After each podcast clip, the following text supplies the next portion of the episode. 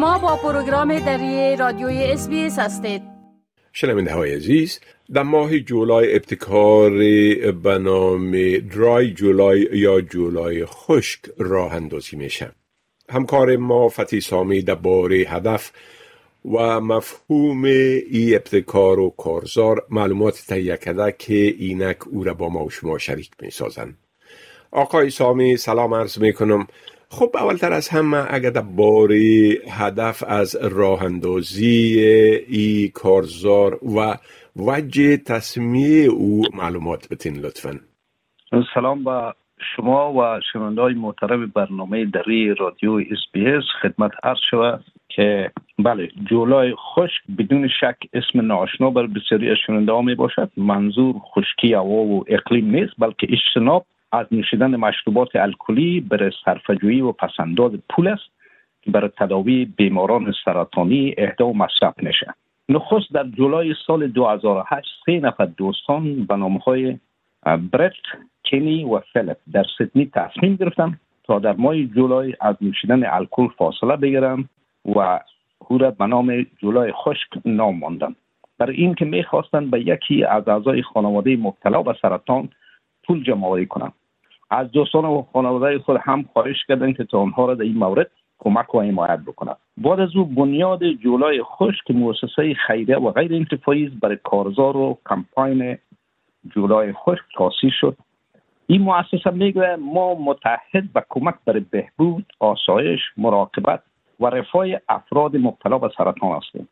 از اولین جولای در سال 2008 مؤسسه کمپاین جولای خوش توانست بیش از دو لک و نوت هزار نفر برای 80 سازمان حمایت از بیماران سرطانی بسیج بسازد و در مجموع بیش از 73 میلیون دلار استرالیایی را جمع بکنم این پول برای تداوی و مراقبت از بیماران سرطان خانواده ها و حامیانشان به مصرف می‌رسد.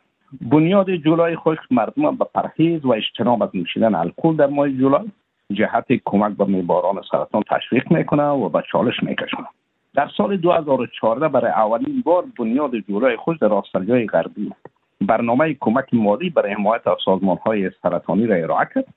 حیالت ها در استرالیا و همچنین در نیوزیلند از طریق سازمان های واجد شرایط می‌تونن برای پروژه های حمایت از بیماری سرطانی درخواست مالی بکنند از در جولای خوش یک کارزار جمعآوری کمک مالی است. شرکت کننده ها با تعهدی که دارند نه تنها خودشان بلکه دوستان خانواده و همکاران خود به چالش میکشانند تشویق می‌کنند تا بودجه ضروری را برای تر و تطبیق برنامه های بارزش پیشگیری و حمایت از بیماران سرطانی برای نهادهای مربوط جمعآوری بکنند. بله. خب می‌تونین بگوین که میارها و شرایط و نحوه عمل کرده درای جولای یا جولای خشک چی است؟ و همچنان اگر درباره فواید از یک مقدار معلومات بتین بله بسیار خوب. قوانین جولای خوش ساده است. هر کس خواسته باشه در او می‌تونه سهم بگیره ثبت نام می‌کنه. نوشیدن الکول در ماه جولای متوقف می‌سازه. با خانواده دوستان خود تماس می‌گیره و از آنها هم تقاضا می‌کنه که برای شرکت کردن از ایشان حمایت بکنن. و جولای خوش در استرالیا را اندازی میشه. یک ابتکار است که هدف چندگانه داره اما بیشتر دوگانه اگر بگویم اول افراد رو تشویق می‌کنه که تا عادت نوشیدن الکل خود تغییر بدن و به بیمارای سرطانی کمک بکنن کسانی که ثبت نام می‌کنن با دستورات دنبال رعایت بکنن. دیگه که یکی از عزیزان خود نیز شریک بسازن تا بدون نوشیدن مشروب به ایشان امرا باشه. دیگه ای که یک سرویس سرطانی رو معرفی بکنن که می‌خوان حجو و پول را که در طول کمپاین جمعوری میشه به اوجا برسانن نقطه دیگه ای مهم است که در های اجتماعی مردم بر شرکت و سمگیری تشویق بکنن. تصاویر پوسترها را برای اطلاع مردم در جاهایی که جلب توجه بکنه باید نصب کنن. و پروژه دیگه ای که پروژه هایی را که می‌خوان تامین مالی بکنن باید بیمار محور باشه. یعنی به این منظور که بر بهبود رفاه مخصوصا بزرگسالان مبتلا به سرطان متمرکز باشه.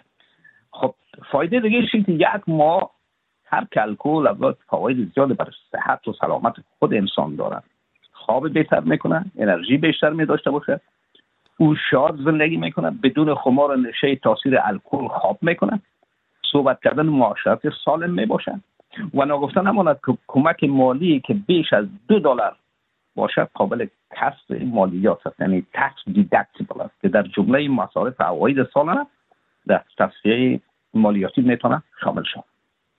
بله و همچنان در ای ما در باره ای که ای الکل نوشیدن الکل می‌تونه که به صحت انسان چقدر مضر باشه هم یک مقدار تبلیغات میشه. خب آقای سامی اگر لطف بکنین و بگوین که کسایی که علاقمند به دست آوردن معلومات در ای باره باشن و در ای کارزار یا می‌خواین در ای کارزار شرکت بکنن این معلومات از چی جای به دست آورده می‌تونن؟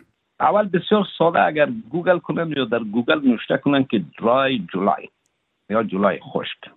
معلومات مورد نظر به دست و همچنان یک نهاد است به نام Dry July Foundation اگر همین بنویسن زیر از این نام و همچنان یک یک وبسایت هم دارد به نام au slash linkedin.com است. می‌تونه در اونجا مراجعه کنم. و یا بسیار ساده نوشته کنن که www.drivejuly.com اینجا معلومات مورد نظر خواسته باشن می‌تونن از اینجا به دست بیارن. بله خب آقای سامی از این معلوماتتان. یک جهان تشکر و فعلا شما را به خدا می سپارم و روز خوش برتان آرزو می کنم همچنان به شما تشکر. خدا حافظ. می خواهید این گونه گزارش ها را بیشتر بشنوید؟ به این گزارشات از طریق Apple Podcast، Google Podcast، Spotify و یا هر جایی که پادکاستتان را می گیرید گوش دهید.